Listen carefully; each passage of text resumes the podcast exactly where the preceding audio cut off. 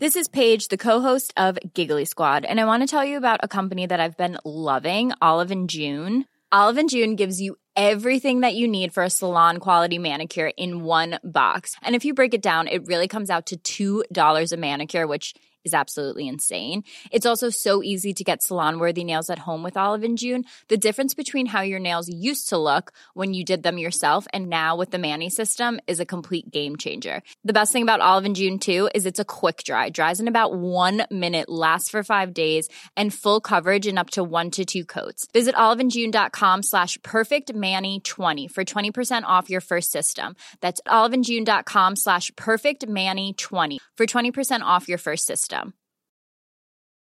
Hiring for your small business? If you're not looking for professionals on LinkedIn, you're looking in the wrong place. That's like looking for your car keys in a fish tank. LinkedIn helps you hire professionals you can't find anywhere else, even those who aren't actively searching for a new job but might be open to the perfect role. In a given month, over 70% of LinkedIn users don't even visit other leading job sites. So start looking in the right place. With LinkedIn, you can hire professionals like a professional. Post your free job on linkedin.com slash people today. This Mother's Day, celebrate the extraordinary women in your life with a heartfelt gift from Blue Nile. Whether it's for your mom, a mother figure, or yourself as a mom, find that perfect piece to express your love and appreciation. Explore Blue Nile's exquisite pearls and mesmerizing gemstones that she's sure to love. Enjoy fast shipping options like guaranteed free shipping and returns. Make this Mother's Day unforgettable with a piece from Blue Nile. Right now, get up to 50% off at BlueNile.com. That's BlueNile.com.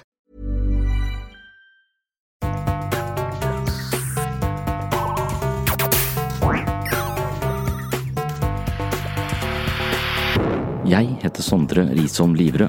Jeg er psykolog, og dette er Webpsykologens podkast. Hverdagspsykologi for fagfolk og folk flest.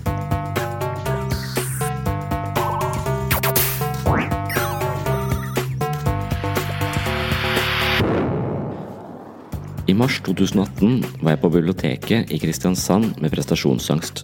Jeg hadde et foredrag for Human-Etisk Forbund. Du som følger sinnssyn, har kanskje hørt dette foredraget i episoden som heter Indre uro og store spørsmål. I dette foredraget snakket jeg mye om fri vilje, og en del av tematikken tok jeg med meg fra en bok som heter The Psychology of Influence av Robert Cialdini. Boken er fra 80-tallet, men den figurerer på listen over de mest solgte psykologibøkene, og derfor leste jeg den som en del av mitt prosjekt om å lese alle bestselgerne.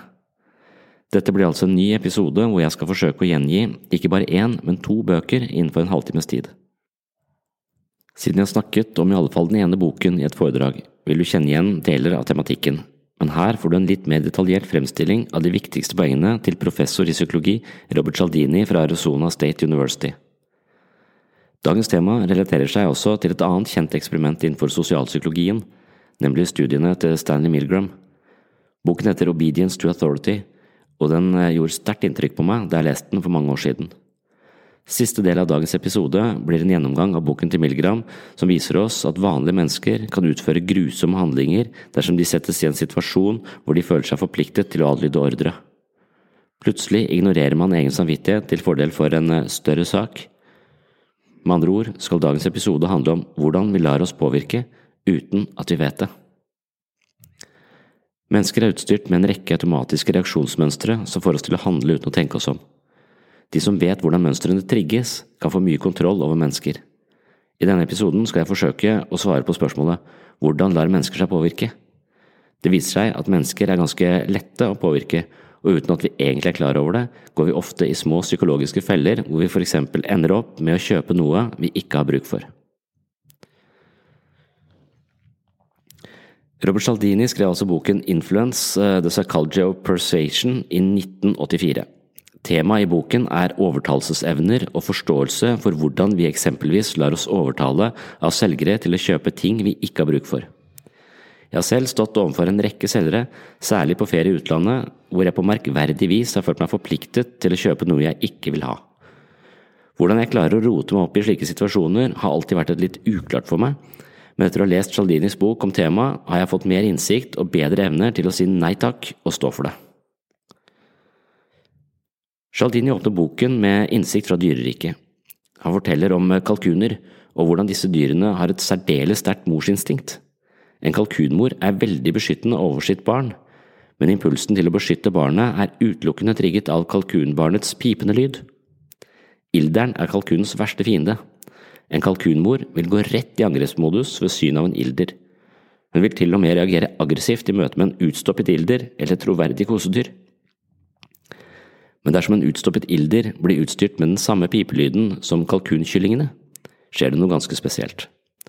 Kalkunmoren vil automatisk begynne å beskytte ilderen. Man kan lett komme til å tenke at dyr er dumme.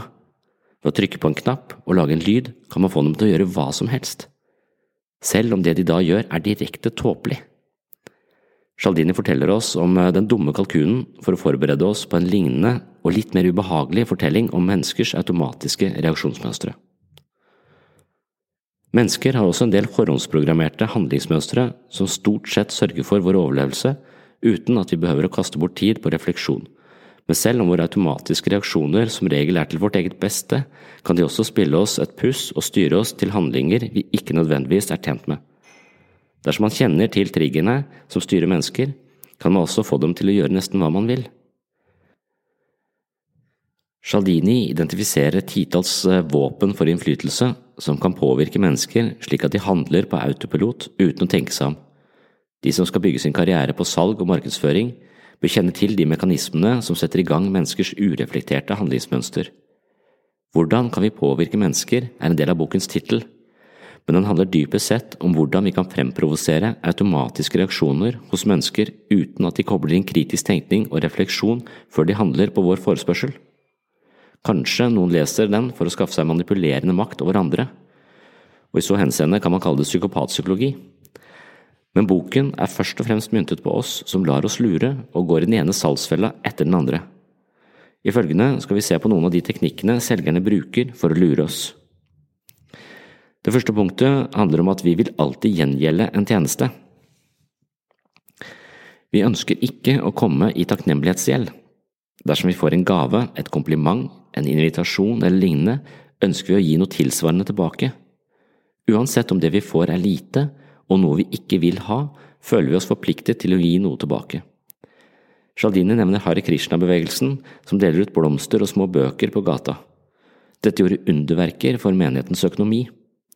De gikk med stort underskudd, men da de begynte å dele ut små gaver, fikk de mer pengestøtte fra folk på gata som plutselig sto med en bok i hånda.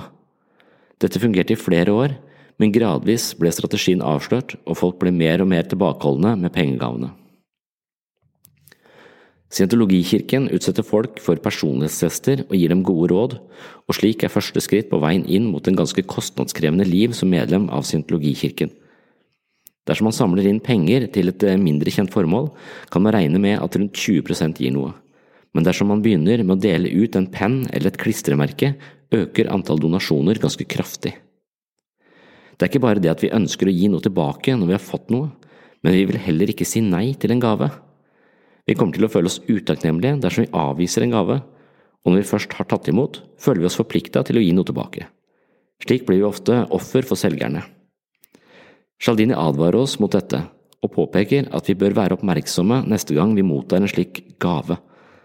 Vi får den sjelden som følge av selgerens gode vilje, men snarere som en felle hvor vi ender opp med å kjøpe noe vi ikke trenger. Det neste punktet handler om at vi ønsker å fremstå som konsekvente. Vi liker å være konsekvente. Når vi har bestemt oss for noe, ønsker vi å stå for dette. Her føler vi et slags eh, sosialt press, hvor vi helst vil unngå å fremstå som en eh, vinglepetter.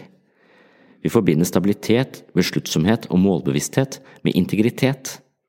Når telefonen ringer fra et eh, veldedig formål, blir vi som regel alltid spurt om hvordan vi har det, her viser det seg at vi gjerne gir et positivt svar, ja opptil ni av ti ganger gir vi et positivt svar på dette spørsmålet.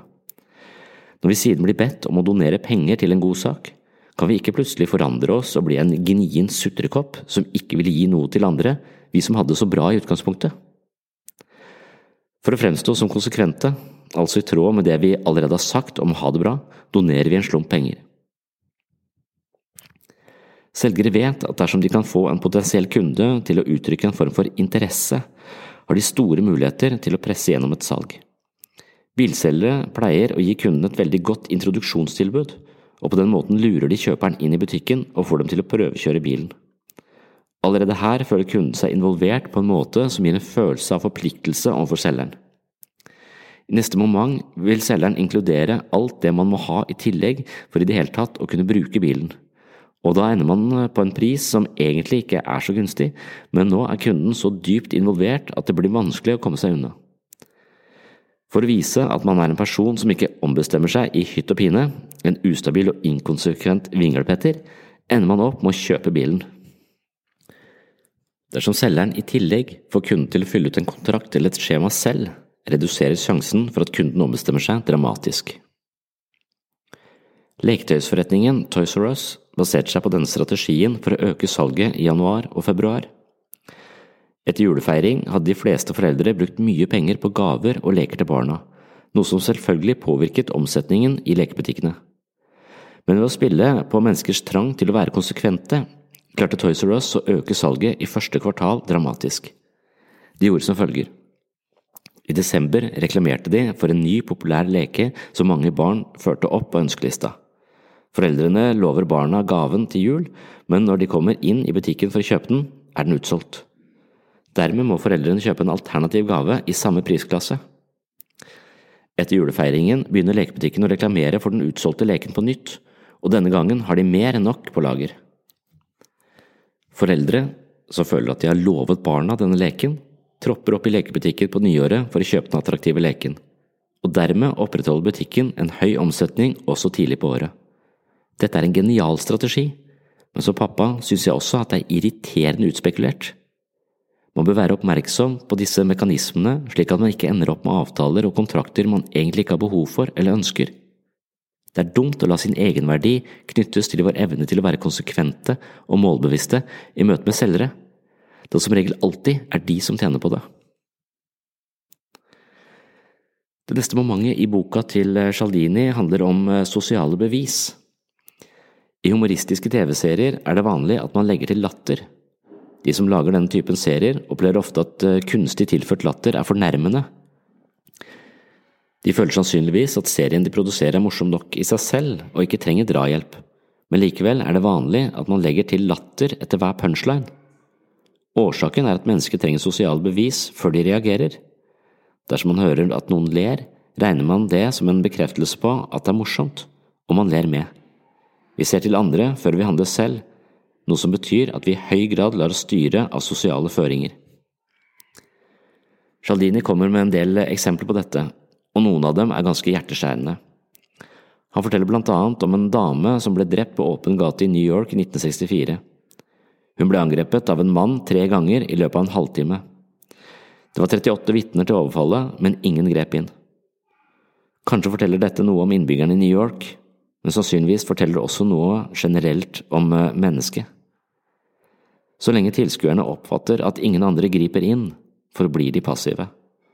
Man antar at eh, andre tar affære, en antakelse som fraskriver den enkelte ansvar, og samtidig fører til at damen ikke får hjelp men blir drept. Dersom man blir overfalt eller truet, kommer man best ut av det dersom kun én annen person er vitne. Dersom man blir angrepet under påsyn av mange mennesker, er det større sannsynlighet for at ingen hjelper deg. Mennesker trenger sosiale bevis før de handler, og når ingen griper inn, tar man det som bevis på at det er unødvendig eller utilrådelig å hjelpe. I en litt annen kontekst brukes sosiale bevis aktivt i markedsføring. Annonsører vil vise oss at alle andre bruker deres produkt for å få oss til å kjøpe det samme. Dette fungerer, og vi lar oss lure selv om menneskene i reklamen er skuespillere, og vi vet det. Det samme prinsippet er på spill når et utested bevisst lar mennesker stå i kø utenfor selv om det er god plass inne i baren. Poenget er at køen utenfor et utested antyder at stedet er populært, mange vil inn her, og vi andre resonnerer oss frem til at dette må være et bra sted, og stiller oss bakerst i køen. Kanskje blir vi litt eh, forbløffet når vi kommer inn på stedet etter en halv time i kø og oppdager at det bare er halvfullt.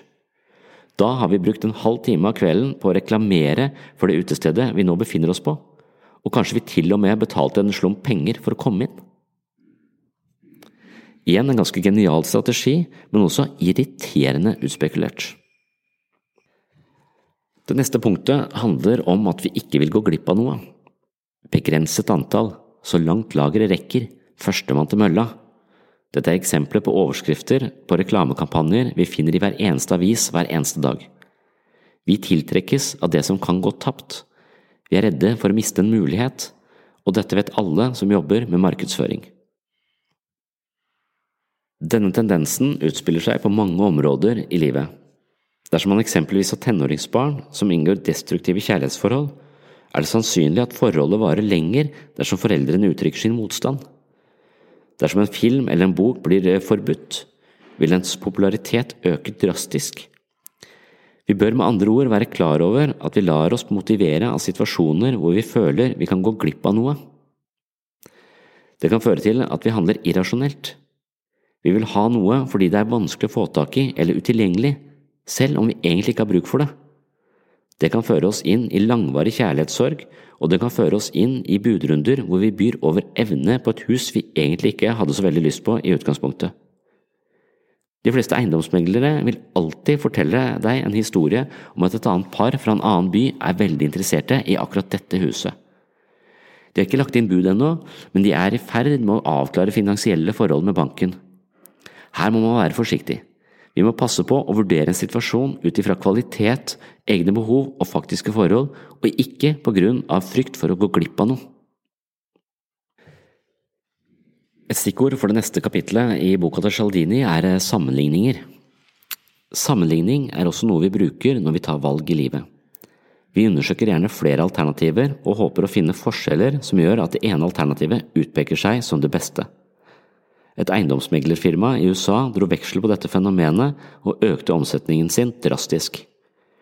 De hadde et par hus som de ikke regnet med å selge, men som de likevel viste frem til nye kunder. Disse husene var i dårlig stand, samtidig som de var overpriset. I neste omgang viser megleren kunden et annet hus, som er i langt bedre stand, til en lavere pris. Det er selvfølgelig dette huset megleren har ønsket å selge hele tiden og kunden føler at dette huset er et kupp fordi de sammenligner det med det dyre, nedslitte huset. TV og internett har åpnet en ny verden for sosial sammenligning.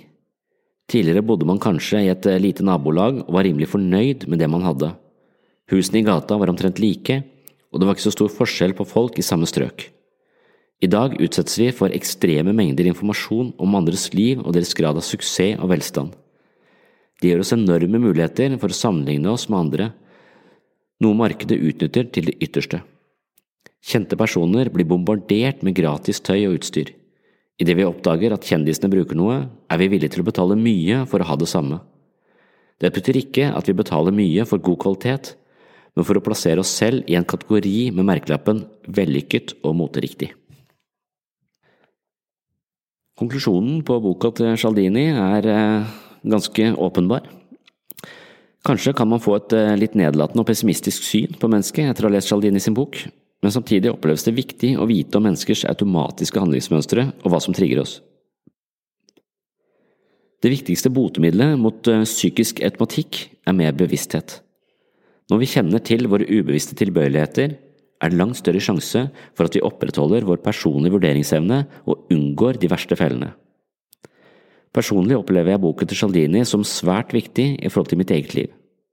Jeg er nå langt mer bevisst i situasjoner hvor utspekulerte selgere forsøker å kapre min vilje ved å trykke på knapper som gjør meg til en blind kalkun. Hiring for your small business? If you're not looking for professionals on LinkedIn, you're looking in the wrong place. That's like looking for your car keys in a fish tank. LinkedIn helps you hire professionals you can't find anywhere else, even those who aren't actively searching for a new job but might be open to the perfect role. In a given month, over 70% of LinkedIn users don't even visit other leading job sites. So start looking in the right place. With LinkedIn, you can hire professionals like a professional. Post your free job on linkedin.com slash people today.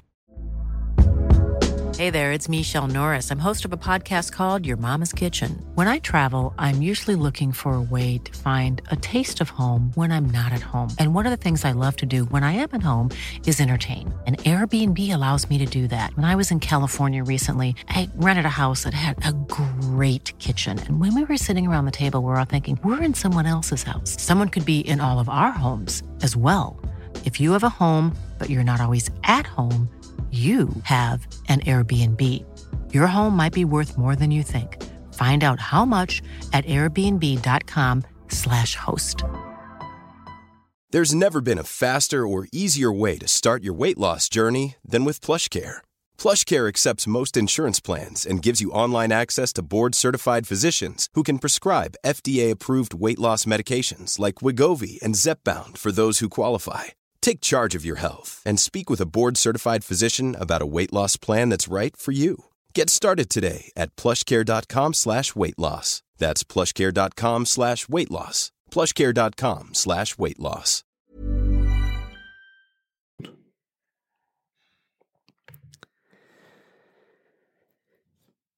Det neste punktet, som også Shaldini skriver om, handler om at vi adlyder autoriteter.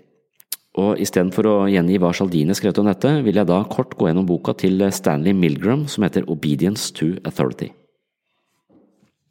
Stanley Milgram er et kjent navn i psykologien. Boken Obedience to Authority er basert på en rekke kontroversielle eksperimenter. Innledningsvis minner han oss på at det ble bygd enorme konsentrasjonsleirer under krigen. Det ble produsert lik og krigsmateriell i en nærmest ufattelig skala. Disse umenneskelige forholdene var forankret i en bestemt ideologi som igjen hadde sitt opphav i et lite mindretall av mennesker, kanskje til og med kun én enkelt person men de grusomme ideene kunne ikke bli til virkelighet uten at et stort antall mennesker adlød ordre. Mennesker kan bli sinte, miste besinnelsen og utagere, og det kan selvfølgelig være svært uheldig og skadelig, men boken til Milgram tar for seg noe som er mye farligere. Han viser oss en menneskelig tilbøyelighet til å ignorere vår medmenneskelighet, moralske koder og etiske overveielser idet vi lar vår unike personlighet bli absorbert i større institusjonelle strukturer. Hans eksperiment er oppsiktsvekkende og skrekkinnjagende, og det gjør oss smertelig oppmerksom på farlige tendenser hos mennesker som ferdes i flokk og forholder seg til en leder. Eksperimentene foregikk ved Yale University i perioden mellom 1961 og 1962, og de utpeker seg sannsynligvis som de mest kjente forsøkene innenfor psykologifaget noensinne. Deltakerne fikk en liten slump penger for å delta i noe de trodde handlet om et studium med fokus på hukommelse og læring. Deltakerne ble delt inn i par hvor den ene skulle fungere som lærer og den andre som elev. Eksperimentet ble ledet av en mann i hvit frakk, og de fikk da beskjed om at eleven skulle spennes fast til en stol. Poenget var at eleven skulle huske ulike ordpar, men dersom vedkommende ikke husket dem, skulle deltakerne i rollen som lærer administrere et panel som ga eleven ulike grader av elektriske støt. Hver gang eleven svarte feil, skulle den elektriske kraften økes slik at uh, offeret ble utsatt for stadig mer smerte. Personen, som var i rollen som lærer, måtte altså forholde seg til et panel som ga offeret strøm.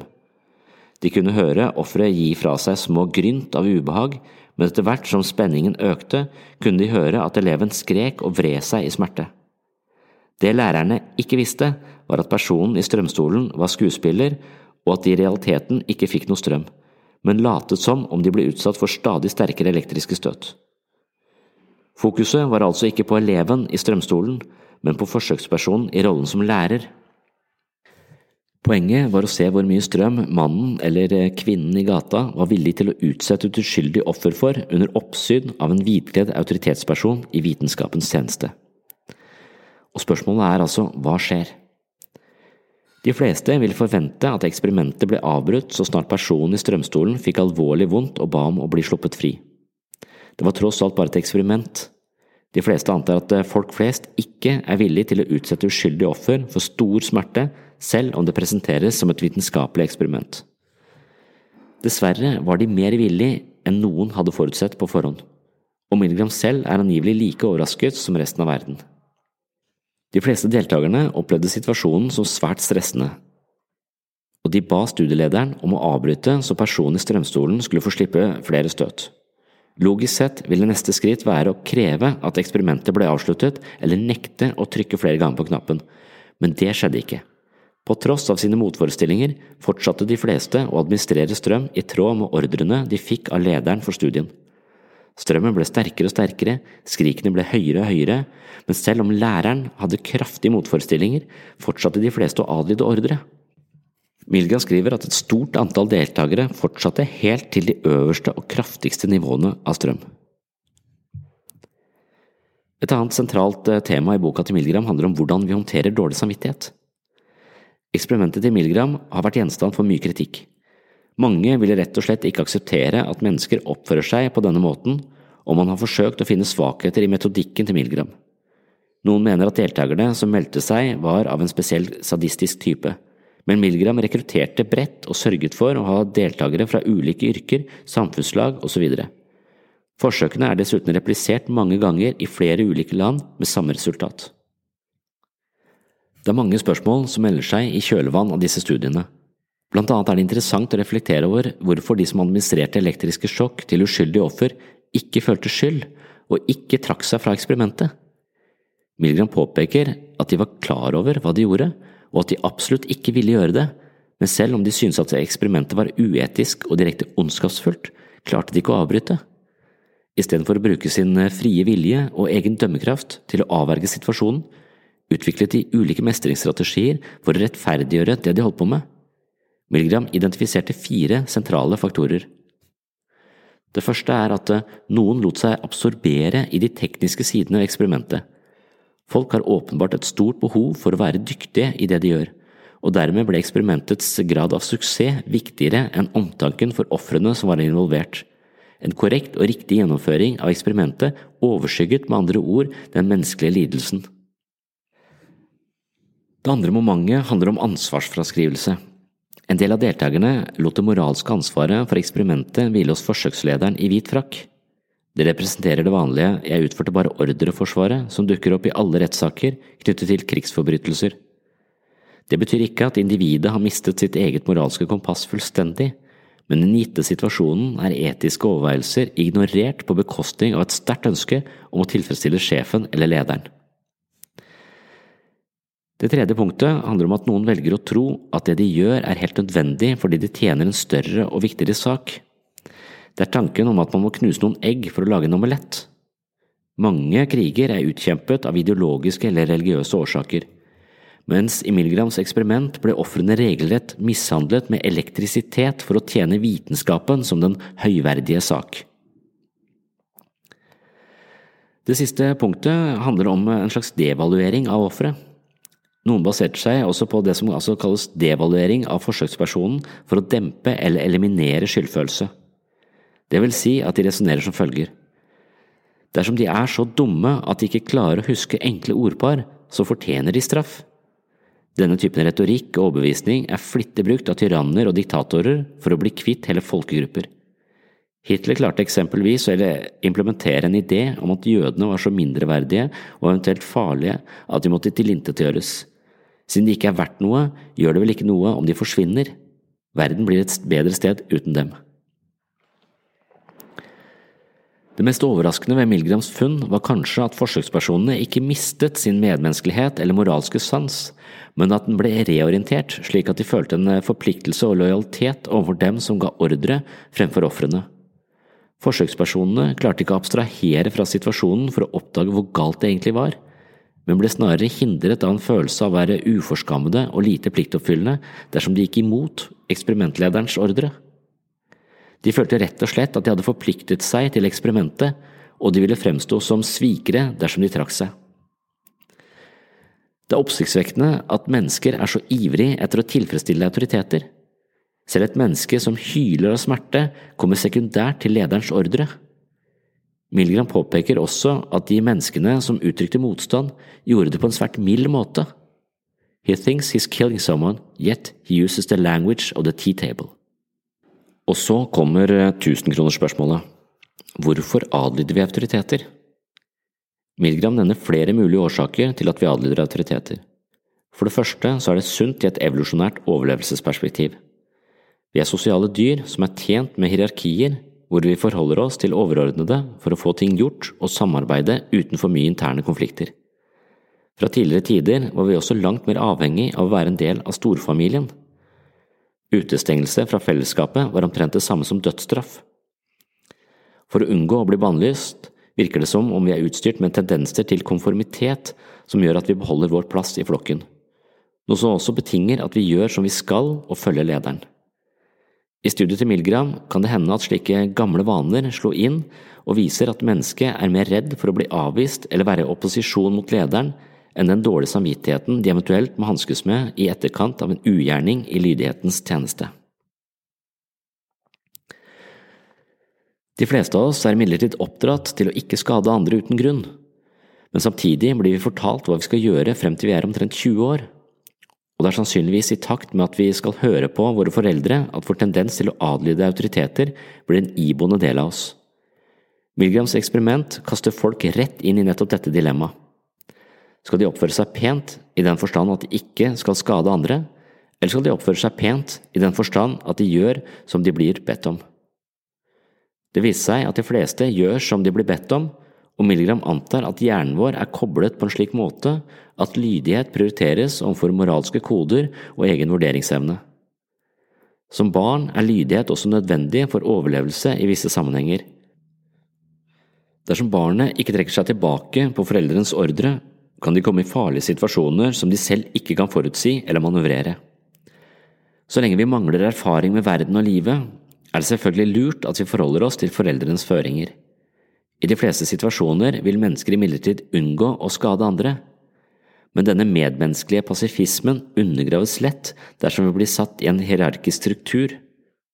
På egen hånd tar vi fullt ansvar for egne handlinger, men så snart vi er innrullert i et hierarkisk system, er vi tilbøyelige til å overføre ansvaret til systemet eller vedkommende på toppen av hierarkiet.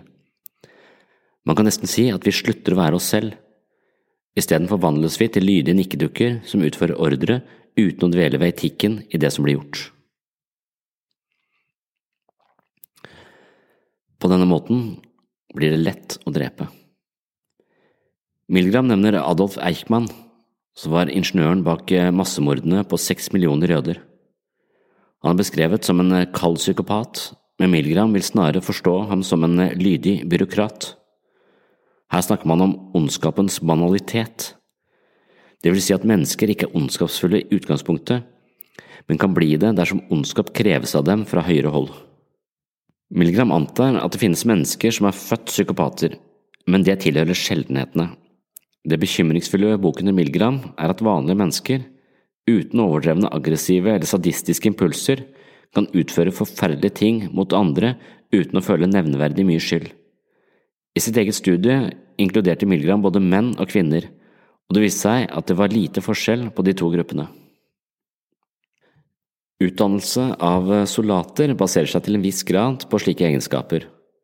Ved å ta unge menn ut av en alminnelig kontekst, trene dem opp i ekstreme miljøer, bruke en retorikk som skaper sterke skillelinjer mellom oss og fienden, og hele tiden vedlikeholde og markere en streng hierarkisk struktur hvor soldatene blir opptatt av å adlyde ordre, har man oppskriften på en god soldat.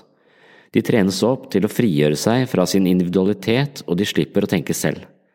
Isteden blir de en agent for en større sak, hvor de utfører ordre uten å stille kritiske spørsmål. Boken til Milgram gir ingen dybdepsykologisk forklaring på hva som kjennetegner personer som nekter å adlyde ordre på grunn av sitt eget moralske kompass. Milgram påpeker bare at de aller fleste deltakerne protesterte mot eksperimentet, men fra å ytre sine innvendinger til å nekte å utføre operasjonen var det et timilssteg. Kun et bitte lite mindretall handlet på sine motforestillinger og nektet å administrere flere elektriske sjokk. Og hva er så konklusjonen på dette her? Vi utvikler oss i sosiale hierarkier hvor vi gjennom oppveksten lærer oss å lytte til de som er større enn oss selv. Vår innebygde tendens til å adlyde ordre kan få katastrofale følger. Men så lenge vi vet om denne menneskelige svakheten, kan det hende at vi unngår ondskapens feller og lar egne vurderinger veie tyngre enn et system som gjør oss til en brikke i et ideologisk blendverk hvor vi lett blir strippet for egen vilje og fritenkende egenskaper. Alle ideologier er på sett og vis avhengig av at mennesker fungerer på denne måten. I Milgrams studie var det ikke en religion, kommunisme eller en karismatisk leder som anførte mennesker til grusomheter, men vitenskap. Det vil si at mennesker er villige til å utføre mer eller mindre sadistiske ting i vitenskapens navn, akkurat som spanske inkvisitorer var villige til å torturere mennesker i Guds navn. Folkemord i Rwanda, massakrene i Sebrenisa og de grusomme krenkelsene i Abu Ghraib er bare noen få hendelser vi har vært vitne til i senere tid, og boken til Milgram gir oss en inngående forståelse for hvorfor og hvordan slike ting kan skje. Boken er dyster, men viktig. Vi er tilsynelatende forhåndsprogrammert til å adlyde ordre. Det ligger i vår menneskelige natur, men det ligger også i vår natur å handle på tvers av ideologi dersom det krever at vi utsetter enkeltmennesker for grusomheter.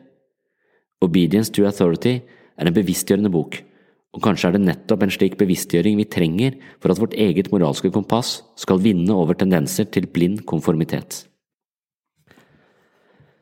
Det var det jeg hadde for denne episoden.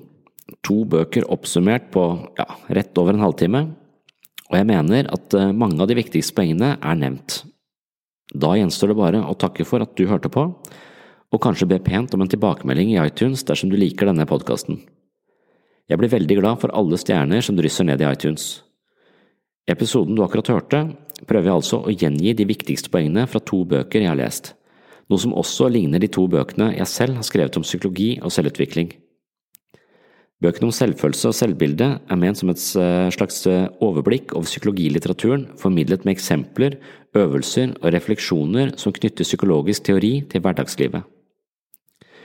Liker du denne måten å formidle psykologi på, håper jeg at du klikker deg inn på webpsykologen.no og kjøper bøkene jeg har skrevet om selvbilde og selvfølelse. På webpsykologen.no får du bøkene til best pris med rask levering og gratis frakt. Den siste boken min, som heter Psykologens journal, er litt annerledes, men også noe jeg håper du kan være interessert i. I Psykologens journal har jeg forsøkt å gå i dybden på livets store spørsmål. Hvorfor er vi her? Hva vil det si å være et godt menneske? Hva er meningen med livet? Hva skjer når vi dør? Med andre ord dykker jeg ned i våre eksistensielle grunnvilkår, og der møter jeg samtidig min egen frykt og unnvikelse.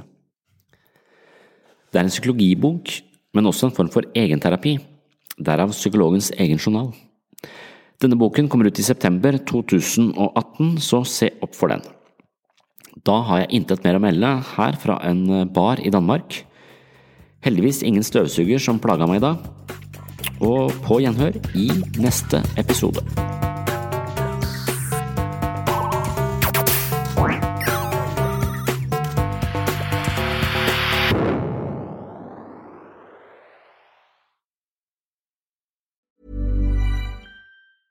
Normally, being a little extra might be a bit much, but not when it comes to healthcare. That's why United Healthcare's Health Protector Guard fixed indemnity insurance plans, underwritten by Golden Rule Insurance Company, supplement your primary plan so you manage out of pocket costs. Learn more at uh1.com. A lot can happen in three years, like a chatbot may be your new best friend. But what won't change? Needing health insurance. United Healthcare Tri Term Medical Plans, underwritten by Golden Rule Insurance Company, offer flexible, budget friendly coverage that lasts nearly three years in some states. Learn more at uh1.com. Mom deserves the best, and there's no better place to shop for Mother's Day than Whole Foods Market. They're your destination for unbeatable savings, from premium gifts to show-stopping flowers and irresistible desserts. Start by saving 33% with Prime on all body care and candles. Then get a 15-stem bunch of tulips for just $9.99 each with Prime. Round out Mom's menu with festive rosé, irresistible berry chantilly cake, and more special treats. Come celebrate Mother's Day at Whole Foods Market